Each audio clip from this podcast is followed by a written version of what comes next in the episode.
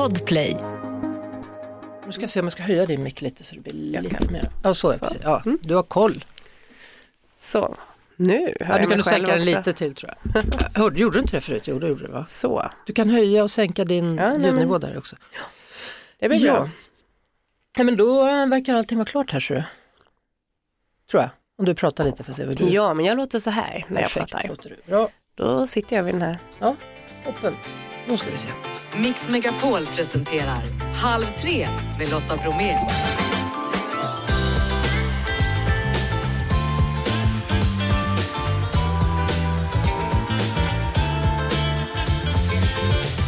Annie Lööf, Centerpartiet, välkommen till Halv tre. Tack så mycket. Hur har du det i valspurten? Ja, men det är rätt intensivt, men eh, givet att eh, man jobbar från morgon till kväll så mår jag rätt bra ändå. Hur stor vikt lägger du på opinionssiffror? Ja, men det påverkar en, måste man ändå säga. Eh, det standardsvaret för en politiker är att den viktigaste opinionsmätningen är på valdagen och sen blir man ju väldigt glad när det går upp och sen är man tyst när det går ner. Men om man ska vara ärlig så påverkar faktiskt opinionsmätningarna en hel del. Men eh, det gäller ju att inse att det är ju bara ett uttag från ett antal personer en viss dag. Så att eh, nu är jag glad för att vi har ökat de sista dagarna. Men eh, som sagt, folk ska gå och rösta också.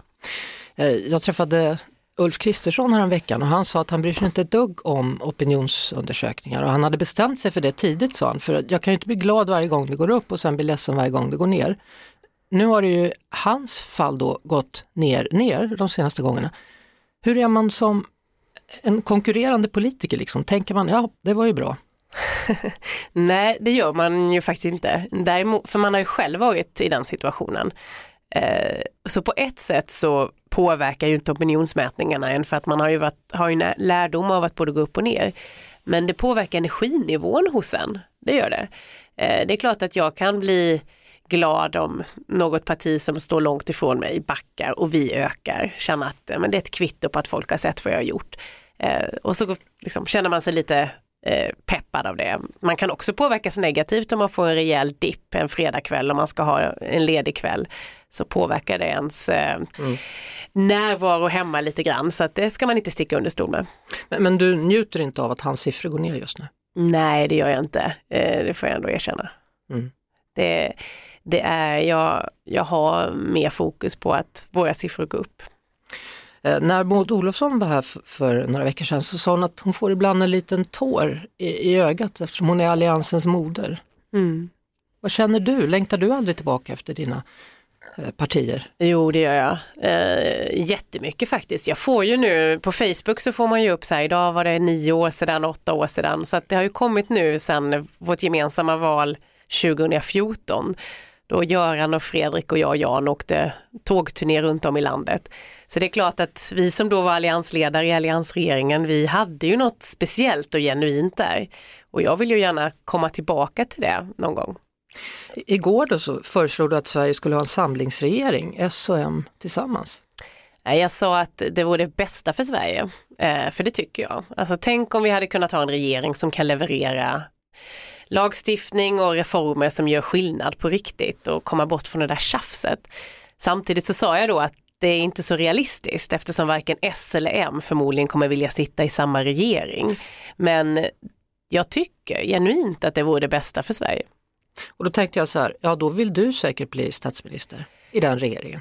Ja, det, jag är redo att bli statsminister men eh, jag inser också, jag testade ju det efter förra valet. Jag fick ju sonderingsuppdraget av talmannen som första kvinna att kolla. Men varken S eller M var ju särskilt sugna på att släppa ifrån sig makten och så är det väl också nu faktiskt. V- Vad kommer hända då om SD blir större än Moderaterna tror du?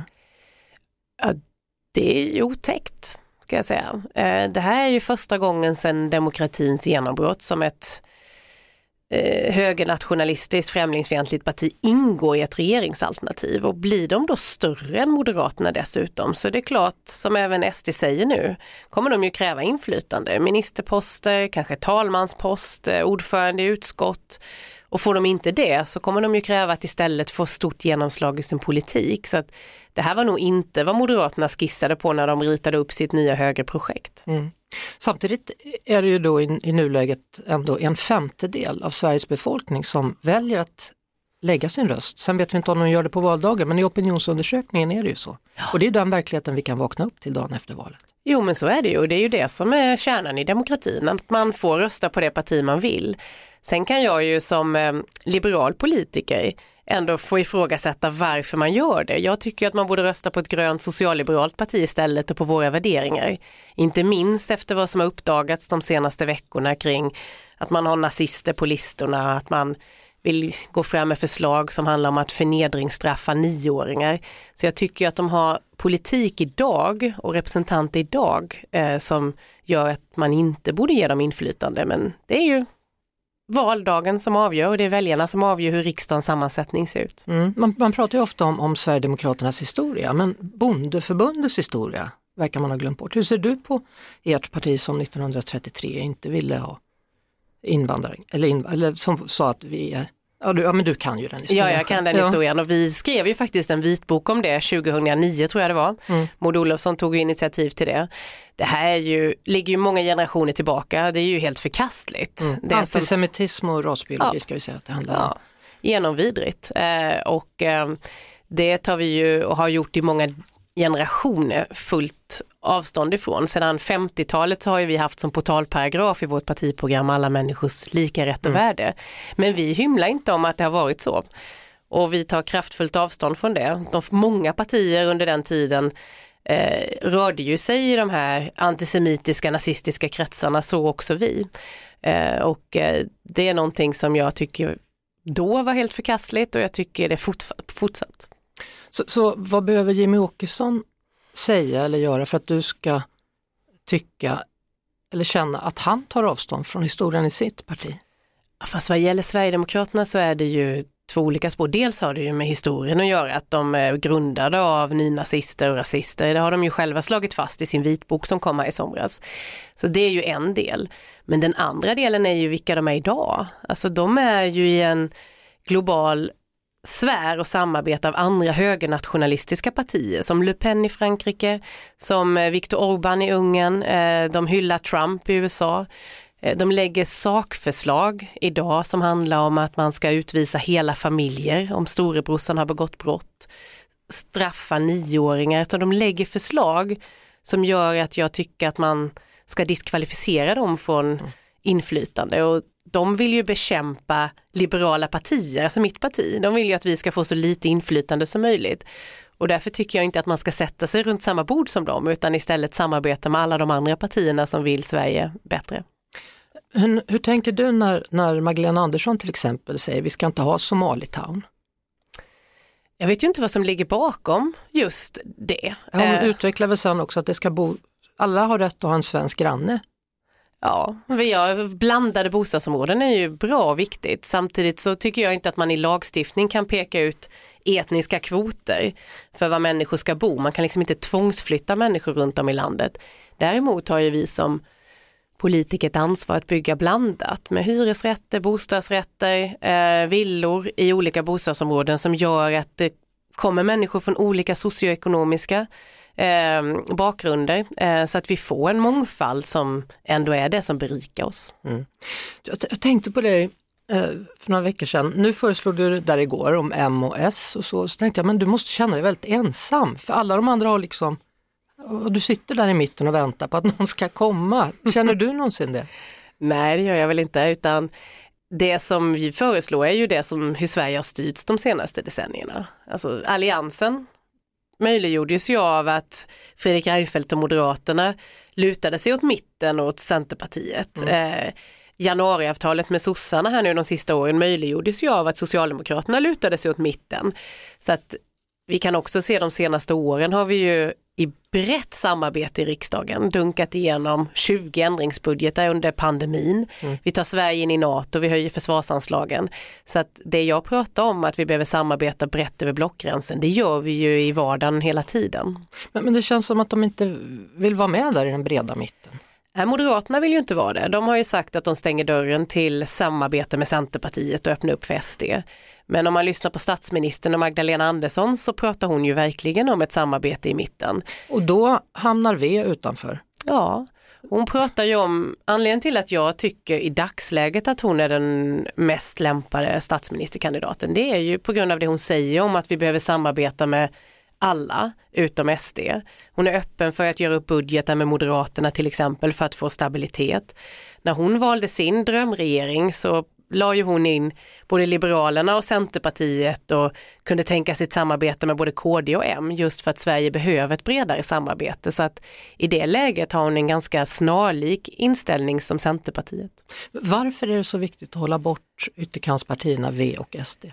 Äh, jag går ju inte upp varje morgon och tänker hur ska jag ge dem så lite inflytande som möjligt utan jag tänker så här, hur, hur ska vi lösa de problem Sverige har? Knäcka gängkriminaliteten, pressa ner klimatutsläppen, korta vårdköer, bekämpa lågkonjunkturen.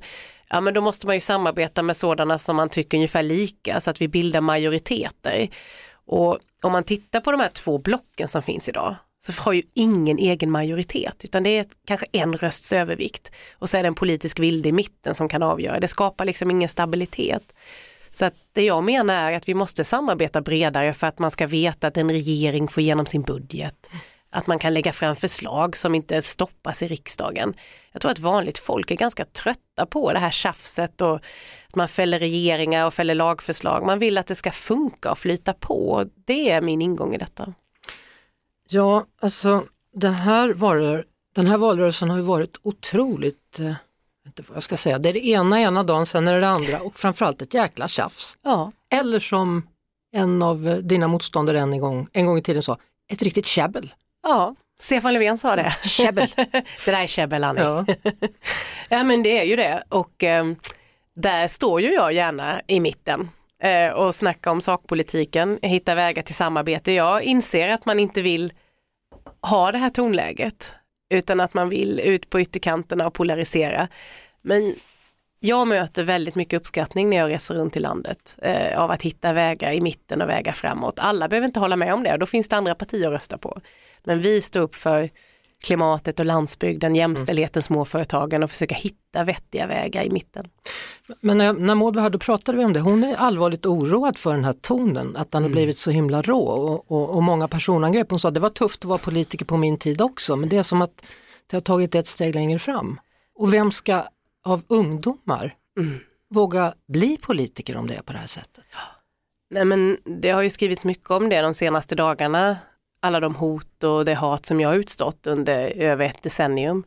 Och det är klart att det tonläget som finns nu gör ju att många kanske hobbypolitiker, alltså många på lokal och regional nivå ger upp. Eh, många unga politiker kanske inte ser sin väg i, eh, i riksdag eller fortsatt och det där är ju all, ett allvarligt demokratiproblem. Och här måste vi som vuxna politiker faktiskt ta ansvar för det tonläge som finns. Det går ju inte en dag utan att jag får eh, hot mot mig. Eh, och hat finns ju på varenda inlägg man lägger upp på sociala medier och det är ju någonting som har ändrats de senaste 6-7 åren. Mm.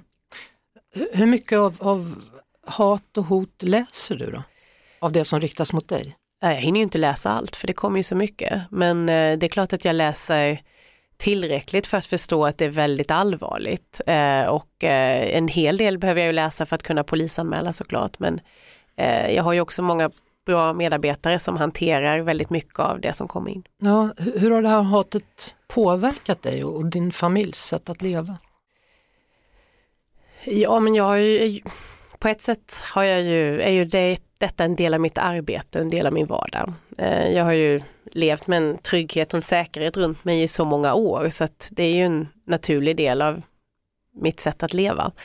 Eh, det kom ju också i förra veckan eh, besked om att jag var en del av en förundersökning just nu om mordplan i Almedalen. Och det är klart att det är väldigt omskakande och mm. påverkar mig på djupet eh, och det påverkar även min familj.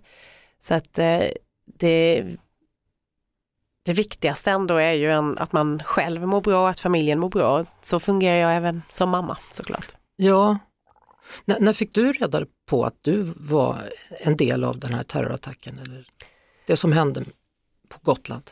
Ja, jag fick reda på det för ganska länge sedan. Jag kommer inte gå in mer i detalj kring det men jag har vetat det en ganska lång tid. Och det har gjort att jag har kunnat bearbeta det i en väldigt liten krets av familj. Och, eh, men jag har hållit det ganska tajt för att jag har inte velat att det ska komma ut för att när det väl kommer ut så eh, påverkar det ju mig. Det ökar ju liksom hotbilden när andra kan bli inspirerade. Så tänker du? Mm. Mm. Jag, jag har själv eh, haft en period då jag hamnade på löpsedlar och när man då har ett barn som faktiskt är i den åldern att Mm. hon kan läsa Mm. så blir det ju ännu tuffare. Ja det blir det. Hur, hur har du gjort för att tala med din dotter om det här? Hon- Jag talade med henne nu, hon är sju år. Mm. Jag pratade med henne nu faktiskt då när det blev offentligt. Hon har ju inte vetat innan, jag har velat förskona henne från det här. Men sen kom det ju ut och eh, man har fått hon hör ju det i skolan, skolkompisar som tar upp det. Ehm, och eh, man får försöka hitta liksom på ett barns språk, förklara att det finns de som vill, vill skada mamma men att du vet ju att jag sitter ju här nu och eh, jag mår ju bra och eh, de kompisarna som hela tiden är med mamma, eh, de är ju där för att det inte ska hända någonting. Så att jag tycker ändå att vi har haft ett rätt bra samtal men det är ju, man får ju en fruktansvärd olustkänsla av att behöva utsätta sitt barn för sådana såna funderingar och tankar. Eh, och jag, min största rädsla det är ju att hon inte ska våga fråga eller våga prata om hur hon känner. Och att eh, liksom finnas där så att hon vågar tänka högt. Eh, hittills känner jag att hon ändå har vågat säga och tänka det hon tänker. Mm. Eh, men eh, det gäller ju att finnas där även om ett antal veckor. Så det, ja. det, det är så sorgligt det där bara tycker jag. Men Mm. jag, jag förstår hur du tänker, att hon måste våga fråga så att det inte blir liksom ett rum som hon stänger Ja. inom sig. Liksom. Men hon,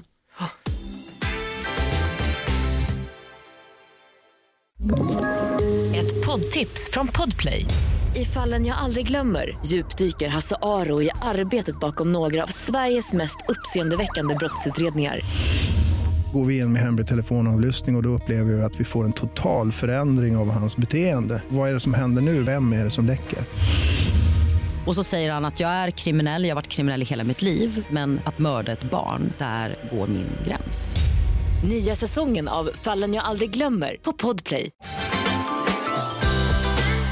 Apropå hot då, igår så tog en av dina partikamrater då, Nasteo Mohammed, 23 år, apropå unga politiker, hon tog en paus. Och hon är inte hotad, det kanske hon är också, men framförallt inte då från högerextrema krafter utan hon är hotad från klaner och den delen av samhället. Nasto är ju en oerhört modig eh, kvinna. Eh, jag har träffat henne många gånger och jag har varit i kontakt med henne nu sista, timma, sista dygnet. Eh, hon har ju varit utsatt för hedersförtryck eh, och eh, hot från islamister och från släkter och klaner under ganska lång tid och ändå stått pall, valt att engagera sig politiskt eh, och gått sin väg. Alltså jag är så otroligt inspirerad av hennes mod. Men även modiga människor kommer ju till en viss gräns eh, och den gränsen är ju nådd nu där hon har valt att med rätta kanske då ta en paus för att landa och för att eh, ta in allt det som hon lever under. Det är bara sorgligt för hon, hon slåss ju mot det som många är rädda för, just klanerna och, och kvinnoförtryck. Ja, hon har ju valt att engagera sig hos just framförallt Centerkvinnorna som är vårt kvinnoförbund. Eh, där jobbar hon eh, och hon står ju på vår riksdagslista eh, för hon ser ju hur vi tar kampen mot extremister oavsett om det är högerextremister eller islamister. Och vi behöver ju göra så mycket för att jämställdhet och frihet och trygghet ska gälla även barn och flickor, och pojkar och kvinnor som växer upp här i det här landet. Och just hedersförtryck är ju helt väsensskilt från till exempel mäns våld mot kvinnor. För när man pratar om heder så är det ju även mamma och pappa, alltså både mamma och pappa, det är mostrar och fastrar, det är, det är liksom hela kulturer som på det sättet begränsar barn och kvinnors sätt att klä sig, vara, prata. Och hon har orkat bryta sig loss från det. Har ju kontakt med vissa familjemedlemmar fortfarande som också ser förtrycket.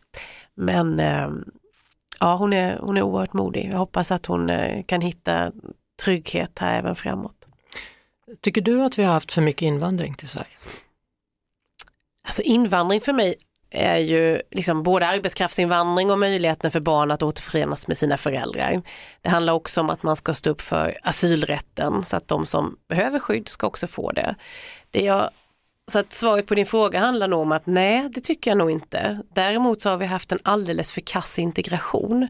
För att när när man inte får ett bra boende, när man inte kommer in och känner sig som en del av samhället, när man inte klarar skolan framförallt, eh, då skapas det en segregation som gör att man eh, inte känner sig som en del av samhället och det är det vi ser nu i form av både gängkriminalitet, vandalisering, uppror, upplopp eh, och då hedersförtryck. Vi måste vara glasklara med att i Sverige gäller svenska värderingar och svensk lagstiftning alldeles oavsett var man kommer ifrån. Hur ska vi komma till rätta med alla skjutningar? Ja, det finns ju ingen quick fix. När man eh, läser en del valaffischer och en del, lyssnar på en del debatter så låter det så himla enkelt. Men man måste göra många olika delar för att komma till bukt med det. Framförallt måste man ju se till att de som skjuter idag, de som mördar och hotar, grips och lagförs. Då behöver polisen bli fler. De behöver få fler kollegor, de behöver fler verktyg så att man kan få få fram bevisning som gör att de fälls. Vi behöver skärpta straff så att de här kriminella elementen låses in på lite längre tid. Men det löser ju inte det på lång sikt utan då behöver vi som jag sa innan här prata om hur vi ska se till att unga människor inte blir yrkeskriminella. Mm. Eh, då måste man klara skolan. Då måste vi satsa mer på skolan, mer på föreningsliv, civilsamhälle, trygga boendemiljöer. Vi måste göra massiva investeringar i de här utanförskapsområdena så att unga, framförallt killar, inte väljer den kriminella banan utan ser en framtid i det hedliga, att klara skolan och börja jobba. Ett poddtips från Podplay. I podden Något Kaiko garanterar östgötarna Brutti och jag, Davva, dig en stor dos skratt. Där följer jag pladask för köttätandet igen. Man är lite som en jävla vampyr. Man har fått lite blodsmak och då måste man ha mer. Udda spaningar, fängslande anekdoter och en och annan arg rant. Jag måste ha mitt kaffe på morgonen för annars är jag ingen trevlig människa. Då är du ingen trevlig människa, punkt. Något kajko, hör du på podplay. Därför är gardinerna. Du ser du väskan där till vänster om dig? På din vänstersida där, ligger en väska där. där. Här på bordet där. Ser du? Den ja, som är öppnad. där! Ja, vet ja. du vad det är för något då? Nej. en lögndetektor är det. Ja men gud, Ja, är har, du du, med? har du programmerat den? Den är programmerad. Känner du att du är beredd? ja det kan vi göra. Ja, då kör vi då. Ska jag sätta på mig den? Jag har sett på dig en lite sån där får du se. Ja, perfekt. Känner hur ju. känns där. Ja. Ska vi se här. Så ska, jag, så ska jag försöka ha en sån här myndig röst också. Se. Är, det ja och nej-fråga här eller? Nej, det är det inte. Man Nej, får utveckla inte lite om man vill. Ja. Så, Är du med? jag är Då med. kör vi. Äter du tacos på fredagar? Ja, det gör jag faktiskt. Varje fredag? Nej, inte alla fredagar. Ibland så varierar vi med en hämtpizza. Vet du hur mycket en liter mjölk kostar? ja, jag köper en och en halv liters laktosfri. Den ligger på typ 15 spänn. Älskar du Sverige? Ja, det gör jag. Har du prövat droger? Nej. Aldrig? Nej. Är du bra på att dansa? Nej, det kan man inte säga att jag är, men jag står hellre vid baren än att dansa. Är du PK? Ja, det får jag nog säga att jag är. Har du någonsin ljugit? Ja, det har jag gjort. Eh, framförallt sådana vita lögner till sina barn. Eh, Om till exempel? ja, nu är klockan åtta, nu måste vi sova. Så kanske hon bara är halv åtta. Eh, eller nu, ja, lite sådana där Ja. oskyldiga saker. Har du ljugit för mig nu? Nej, Skönt. första frågan var ju tacos, det var ju faktiskt inte varje fredag. Men annars så höll du dig till sanningen. Ja, det gjorde jag. Väldigt glad för det. Då kan du ta dig din... ja, men jag klarade testet. Ja, du klarade Ja, testet bra. faktiskt. Det var skönt. Ehm, du, hur, hur var du som tonåring? Eh, Jag var eh, både den här idrottstjejen som kom med fotbollstrunken med fotbollsdojor och spelade mycket fotboll. Och den här ambitiösa plugghästen som gjorde bra ifrån mig i klassrummen och klarade höga betyg på proven. Så jag var liksom både sporttjejen och plugghästen samtidigt kan man säga. Men hur rann du med killar då? Nej, det var ju det jag inte gjorde riktigt. De kom först på gymnasiet lite. Sådär. Hur, hur var det? Var du poppis? Jag var nog en sån där mm, medeltjej tror jag. Alltså när man växer upp så var det ju oftast många tjejer som var väldigt coola och de som var riktigt coola eh, och som hade många killar det var ju de som kanske inte gjorde sig så himla bra ifrån sig i skolan. Jag var ute och festade mycket och sådär och jag spelade ju väldigt mycket fotboll så att jag festade inte så mycket eftersom jag skulle spela matcher på lördag och söndagar. Jag jobbade extra i en klädesaffär också på lördag förmiddagar. Så att eh, det gjorde väl att jag hade många kompisar men inte så, eh, så många pojkvänner. Eh, moderatledaren springer, eh, Vänsterns ledare simmar, har simmat, Ja. Socialdemokraterna har simmat och du fotboll. Ja. Va, vad är det frågan om? Det är ett väldigt idrottsfokus eh, Ja. här. Jag Ja. på att fundera på det. Får man ett speciellt driv då? Jag vet när jag pratade med Ulf Kristersson så sa han att han har ju målbilden framför sig liksom, och, och så vidare ja men det tror jag faktiskt. Alltså fotbollen för mig har var, jag var ju målvakt i fotbollen så jag var ju som säger, en individuell spelare i ett lag. Eh, så jag fick både det här, det är som en partiledare nästan. Alltså man är eh, man har sin roll men man är helt beroende av alla andra. Eh, Jag har ju med mig ganska mycket för fotbollen in i partiledardebatter så här med mental träning. Man tänker igenom straffsituationer eller debattsituationer. Och sen får man ju ett rejält pannben. Man blir ju en tävlingsmänniska. Det tror jag alla partiledare faktiskt är. Mm. Du har suttit ganska länge nu som partiledare. Ja. Längst av de som är nu va? Nej, Jimmy har Åkesson suttit är väl längre eh, lite längre. Jag har suttit 11 år nu i september. Ja. Ja. Hur länge ska du sitta tänker du? Ja, ett antal år till tänker jag väl nog. Eh, Men eh, för mig handlar ju partiledarskapet om förtroende. Så så länge jag har medlemmarnas förtroende, vilket jag har, eh, och så länge jag själv tycker att det är kul och meningsfullt så kommer jag vilja fortsätta. Får vi se. Men, men hela den här grejen som, eller grejen ska jag inte kalla för, men allt det som hände på Gotland måste väl ändå ha fått dig någonstans att fundera. Är det det här jag vill hålla på med? Ja, det har det. Det är klart att jag är också människa. Så det, och jag har blivit utsatt för grova hot tidigare också när jag har haft de tankarna. Men jag har varje gång jag har ställt mig den frågan om det är värt det, väldigt märkligt nog känt att jag måste fortsätta. Eh, och det ligger väl lite i den här politiska naturen att man brinner så starkt för värderingar och man vill inte att hatet ska vinna. Eh, så att jag landade i ganska snabbt där, givetvis tillsammans med min man, att nej men jag vill fortsätta även om det är ett väldigt högt pris. Men han måste ju vara orolig också för dig. Ja det är klart han är. Ja. Eh, det är klart att eh, han inte alltid uppskattar när man är på de här större evenemangen med väldigt mycket folk i omlopp men samtidigt så är vi ju väldigt vana vid att leva i en sån miljö. Vi har ju också varit gifta i 11 år, lika länge som jag varit partiledare, så han är ju en del av det här paketet kan man säga. Tror du skulle säga han är en del av partiet. Nej det är han inte, han står utanför men han är en del av hela den här förändringen som man ändå gör från att, bli, från att inte vara partiledare till att bli det, för det är ju en, en stor förändring som också påverkar ens eh, privat och familjeliv väldigt mycket. Du, du beskrev det som att när du fick veta att, att du också var utsatt för den här hotbilden på Gotland, som att du blev alldeles kall. Mm. Kan, går du att förklara vad det betyder? Ja men det blir liksom en isande känsla i kroppen. Jag tror att vi alla blev väldigt berörda när vi eh, hörde att Ingmarie Wieselgren blev mördad i Almedalen. Eh, så det kommer väldigt nära, man kan tänka sig in sig själv i den situationen så att väldigt många av oss kände ju en väldigt stor olust över att det här hade hänt. Och eh, för min del som var väldigt nära så blev det ju också väldigt obehagligt. Samtidigt så tänkte jag bort det där, det är nog ren självbevarelsedrift. Så jag tänkte att ja, nu ska jag hantera det här, jag ska gå upp och hålla mitt Almedalstal, jag ska genomföra mina arbetsuppgifter, man är så otroligt lojal med uppgiften. Man åker hem, man liksom tar några liksom, dagars eller veckosemester. Och så får man det här beskedet och det är ju, ja, man, det kommer nära, det blir kallt, man blir liksom lite stum. Även om man kanske hade en liten oro tanke ändå. Alltså, det är en väldigt konstig känsla att få ett sånt besked faktiskt.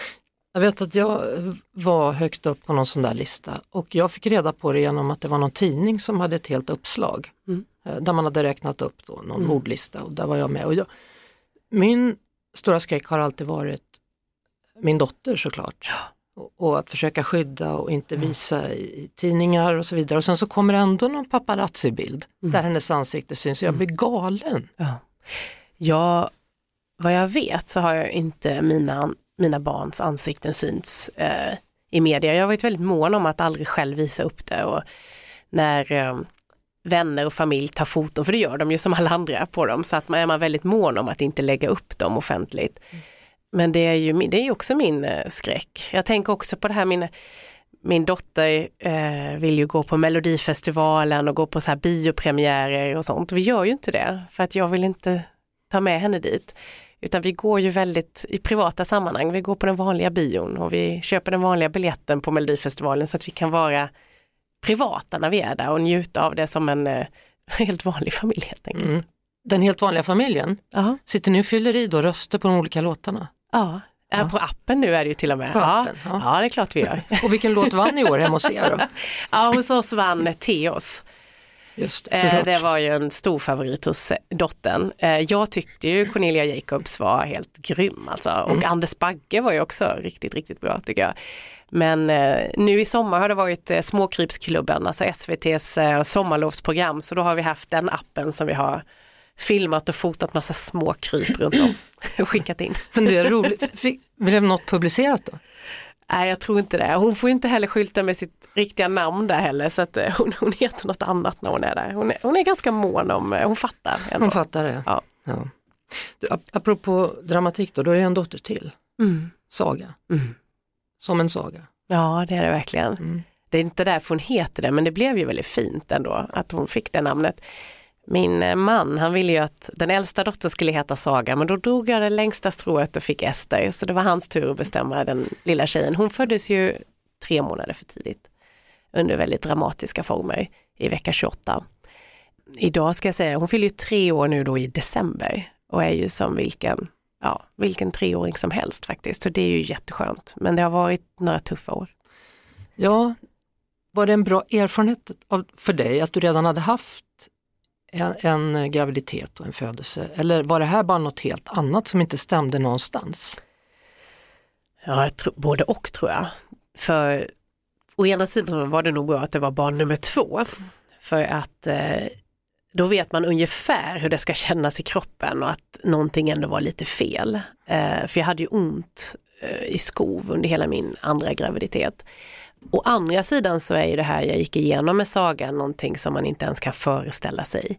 Men jag var ju väldigt envis och sa, men jag har jätteont här i sidan. Eh, och gick och liksom sökte för det och de bara, nej men det är naturligt att känna. Fast nej, det är inte foglossningar, det här är något helt annat. Och det visade ju sig sen att det var att eh, livmodern växte fast i moderkakan mer och mer och att det liksom började spricka. Och det var ju det som gjorde ont och sen sprack ju allt.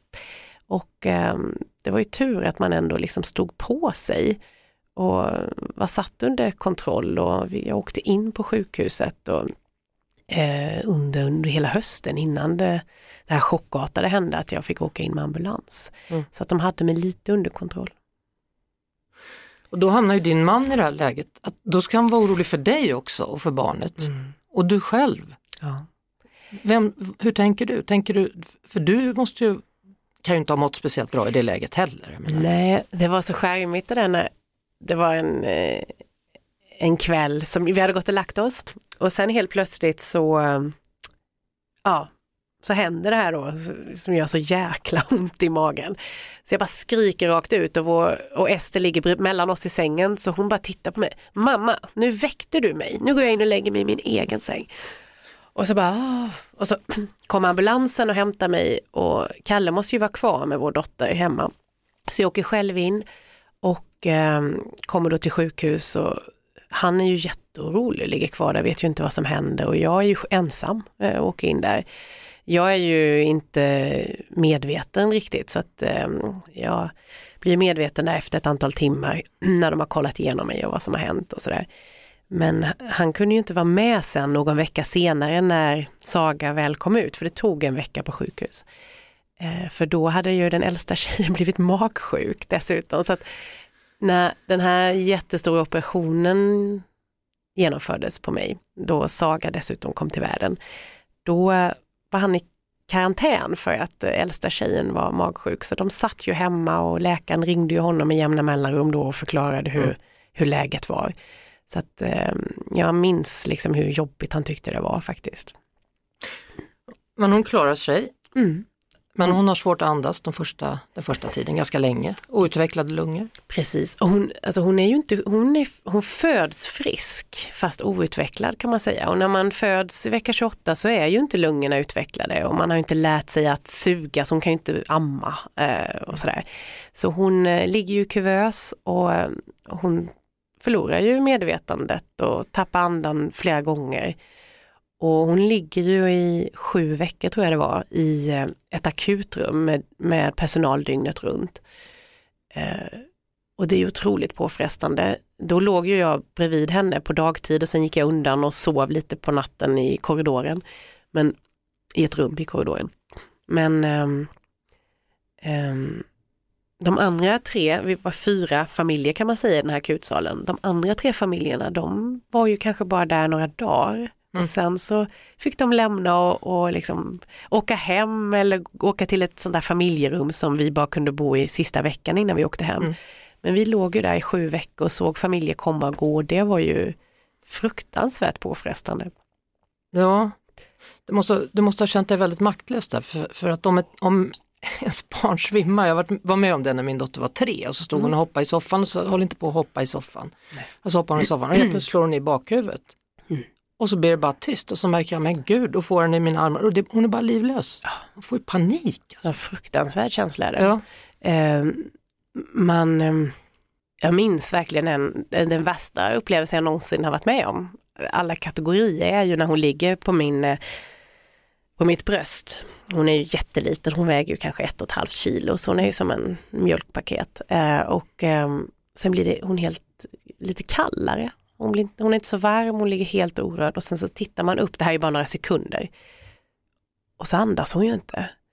Och då kommer kommer ju personalen in och liksom tar, drar igång eh, med maskiner och annat. Och jag kom in i en roll i mitt jobb, alltså jag är ju utbildad i krishantering och så jag blir så här, ja lugn nu, kom igen, lugn, lugn.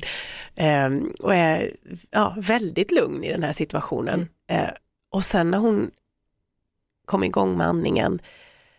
Och vi jag lägger ifrån henne och hon måste ligga själv. Så går jag bara ut i det här rummet som är föräldrarnas rum och bara storgråter. Så att man kommer ju in i någon sån här krishanteringsmekanism om att man, man har fokus i stunden och sen bara bryter man ihop efteråt. Och det var ju ett antal sådana tillfällen som jag nu faktiskt kan prata om men som var jättejobbigt att ens eh, komma nära under första året. Mm.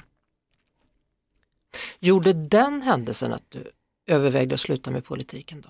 För saker och ting ställs ju verkligen på sin spets när det handlar om liv och död rent praktiskt. Och det kanske är lättare ibland att eh, tänka bort någonting när man värnar om någon annan. Förstår du vad jag ja, menar? men jag förstår. Nej, det gjorde, det, det gjorde faktiskt inte det. Däremot så när man låg där på sjukhuset, Eh, för jag gjorde det i tre månader och det var ju lika tjafsigt i politiken som det ofta är, då vet jag att jag tänkte, men vad håller vi på med? Alltså här kämpar människor för sina liv, här är man rädd, man är orolig, alltså människor vill ha vård i tid, man vill ha en bra skola och vi håller på att tjafsa om petitesser. Alltså den känslan fick jag flera gånger när jag låg där. Så att kanske blev jag, liksom, det här låter som en efterhandskonstruktion men det är inte det för att just då när jag låg på sjukhuset så hotade man ju med att fälla regeringen på grund av arbetsförmedlingen, alltså en reformering och då bara kände jag så här, nej men sluta nu. Eh, vi måste ju kunna samarbeta och ta ansvar. Så den känslan fick jag, men inte att jag skulle hoppa av. Men eh, det var ju, alltså, när man ligger där så är ju det viktigaste att hon blir bra och att jag blir bra såklart. Men eh, där familjen och livet alltid är viktigare än jobbet såklart. Den känslan, men den hade jag med mig sen innan också. Mm. Anders W Jonsson eh, Ja. ryckte in för dig där. Han är barnläkare egentligen, vice där. Han ryckte in för mig även när Ester kom så att eh, han har ju vikarierat som partiledare två gånger.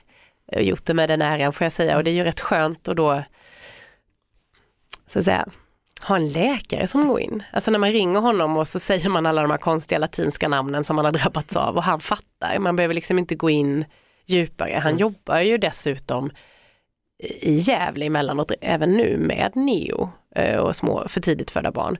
Så att han var ju ett jätteviktigt stöd eh, under den här tiden. Men var du nära att förlora livet? Jag genomgick väldigt svåra operationer. Jag tycker den frågan är svår att svara på ska jag säga.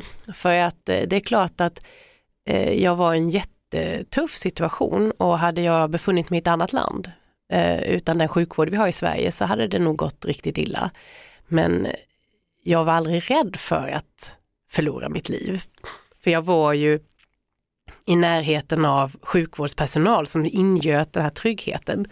Men jag genomgick ju tre operationer på ett antal veckor. Det är klart att det var väldigt tufft. Och vad sa Ester då? Den äldsta dottern. Ja men hon var ju fy, tre och ett halvt då. Alltså hon, hon fattade ju aldrig det här med mig, att jag var dålig. Hon saknade ju mig mycket för jag var ju inte hemma med henne på flera månader. Eh, så att när jag fick lite permission och åka hem, vi hade ett dygn ihop emellanåt, då var det ju popcorn och Disneyfilm och sitta och mysa i soffan. Och sen var hon ju väldigt stolt som stora syster såklart. Och det är också en konstig känsla det här man pratar ofta när man ska få barn, Åh, så kommer lilla syster hem och så ska du få hålla henne och så, så fick hon komma, minns hennes första reaktion när hon kom till sjukhuset, men hon ligger ju i en låda. Varför ligger hon i en låda? Och varför får jag inte hålla henne? Och, Det var en väldigt konstig känsla för henne. Eh, så hon fick ju liksom inte hålla henne förrän efter två månader kanske. Och då var det en väldigt stor eh, stora syster. Hon, vi har ett foto där hon ser ut som att hon äger hela världen och hela sin lilla syster. Eh, så det är en jättefin bild första gången hon håller henne. Be- Beskriv känslan då när ni fick komma hem, hela familjen. En lite overklig känsla. Men samtidigt var man ju väldigt rädd också, ska jag säga. För då hade man ju levt i tre månader med akutsjukvård väldigt nära. Och vi hade ju då veckorna innan vi fick komma hem lärt oss göra hjärt och lungräddning på små bebisar. Eh, hur man ska ge all medicin, eh, hur vi ska ge henne sondmatning, för hon fick ju mat genom näsan. Eh, så att man kände ju att det var väldigt ansvarstyngt att komma hem och så skulle man klara allt det där själv. Eh, så det upplevde jag jobbigt samtidigt som det var helt fantastiskt att få komma hem och ligga i sin egen säng och äta sin egen mat och eh, gå sin egen vanliga promenad efter 12 veckor eh, på sjukhus. Mm. Såklart. Jag bara tänker, det, det är en sån skillnad, för som politiker så, så handlar det ju en del om makt. Ja. Men som förälder kan man ju känna sig ganska maktlös i vissa situationer. ja, och jag är ju ett kontrollfreak. Alltså jag, jag gillar inte överraskningar eh, och det här och jag gillar att ha kontroll över en situation och sen blir man så sjuk, eh, både sig själv men också barnet som behöver omfattande vårdinsatser. Och så kan jag inte göra något. Man är ju helt maktlös och också hjälplös. Eh, det var en jättestor omställning att vara van vid att alltid ha alla svar och alltid vara den som ska vara stark och så var man ett vrak liksom. och jag kunde inte ens stå upp själv. Jag kunde liksom inte ens hålla mitt eget barn. Eh, jag kunde inte lyfta mitt eget barn förrän efter ja, många, många veckor. Mm. Det var ju jättejobbigt mentalt för en faktiskt. Så hur, hur tänker du om, om barn i framtiden? Jag kan inte få fler barn eh, faktiskt. Så att, eh, man behövde genom det jag gjorde då operera bort min livmoder. Eh, men jag är väldigt tacksam över att jag har två friska barn. Så. Ja. Jag skulle vara så orolig om, om hon hade slutat andas att det skulle hänt något med hjärnan eller någonting, att hon inte fick syre, men det, det lyckades. Ja, och det vet man ju inte förrän när de har blivit något år. Fast men, de går väl omkring nu? ja, jo, men absolut. Ja. Så att det var ju en oroskänsla. Men eh, vi fick ju efter något år beskedet om att hon känns som att hon har utvecklats precis som vanligt och att hon är frisk och att hon hänger med. Och det ser vi faktiskt varje dag. Mm. Hur hon är verbal och hon eh, tar för sig och hon är, ja, hon är sjövild helt enkelt. Ska vi avsluta med några ja och nej-frågor? Ja det gör vi. Mm. Ska vi tillåta fri abort i Sverige? Ja, med dagens lagstiftning absolut. Ska vi höja skatterna? Nej. Är lantisar smartare än stockholmare? Ja, får jag nog säga. Jag är ju själv lantis. Är Sveriges Radio och TV viktigt? Ja. Har du en för hög månadslön idag? Ja. Sorterar du soporna? Ja. Ska vi kunna köpa vin på ICA? Nej, jag tycker Systembolaget är bra. Bör vi tillåta snus i hela EU?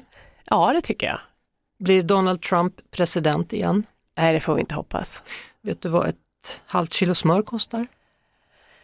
Ja, typ 60 spänn eller något. Är Putin en krigsförbrytare? Ja, Ska kulturen bekostas av privata medel? som idag, eh, både offentligt och privata. Bör antalet riksdagsledamöter bli färre?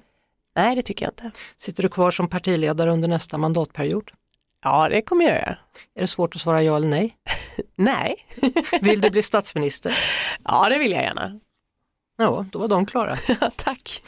Du, en och en halv vecka kvar nu då Ja. till valet. Hur, eh, hur kommer det vara? Hur känns det? Det är flera olika känslor samtidigt. Dels är man ju faktiskt förvånansvärt pigg för att det bara, bara är en och en halv vecka kvar. Så det är ju mm, ett intensivt schema. Eh, Den andra känslan man har det är ju eh, såklart eh, känslan av glädje när vi ser att vi går upp i mätningar. Men också en känsla av lite, lite frustration för att man vill ju att de här siffrorna ska hålla sig fram till valdagen, att få folk att gå och rösta. Och sen har ju jag med det beskedet som kom i förra veckan också en liten olust i kroppen över att vara ute och liksom resa runt och liknande. Men överlag så är det ju väldigt roligt med valrörelse och träffa människor. Eh, Så att jag väljer att ta fasta på det. Hur kul är det med talmansrum då? då? Mindre kul faktiskt. Jag hoppas ju, jag vet att jag kanske hoppas för mycket, men jag hoppas ju att det går mycket snabbare än sist. Eh, Jag hoppas att han är mycket striktare med antalet veckor som varje person får på sig och att vi faktiskt kan hitta en lösning eh, ja, på Alltså, några veckor. Jag tror inte han orkar hålla på så många veckor en gång till. Nej, Alternativt att kan inte han... baka så många kakor. Det var precis det jag skulle säga, han kan inte ha så mycket fikabröd. Nej, det var samma Nej, det är inte bra för folkhälsan. Nej, det är ju inte det heller. Eh, vad har du för favoritlåt? Ska vi sluta där kanske? Ja, får jag välja en? kan du få göra. Eh, men då tycker jag, jag gillar ju fotboll, Molly Sandéns eh, Vi är till vinsten tycker jag. Då kör vi den. Ja, tack. Tack så mycket för att du kom hit, Annie Lööf, Centerpartiet. Tack så mycket.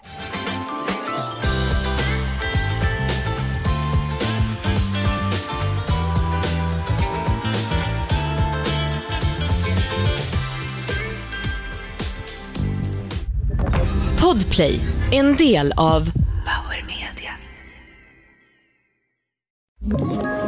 Ett poddtips från Podplay. I podden Något Kaiko garanterar östgötarna Brutti och jag, Davva, dig en stor dos skratt. Där följer jag pladask för köttätandet igen. Man är lite som en jävla vampyr. Man har fått lite blodsmak och då måste man ha mer. Udda spaningar, fängslande anekdoter och en och annan arg rant. Jag måste ha mitt kaffe på morgonen för annars är jag ingen trevlig människa. Då är du ingen trevlig människa, punkt. Något Kaiko, hör du på Podplay. Därför är gardinerna.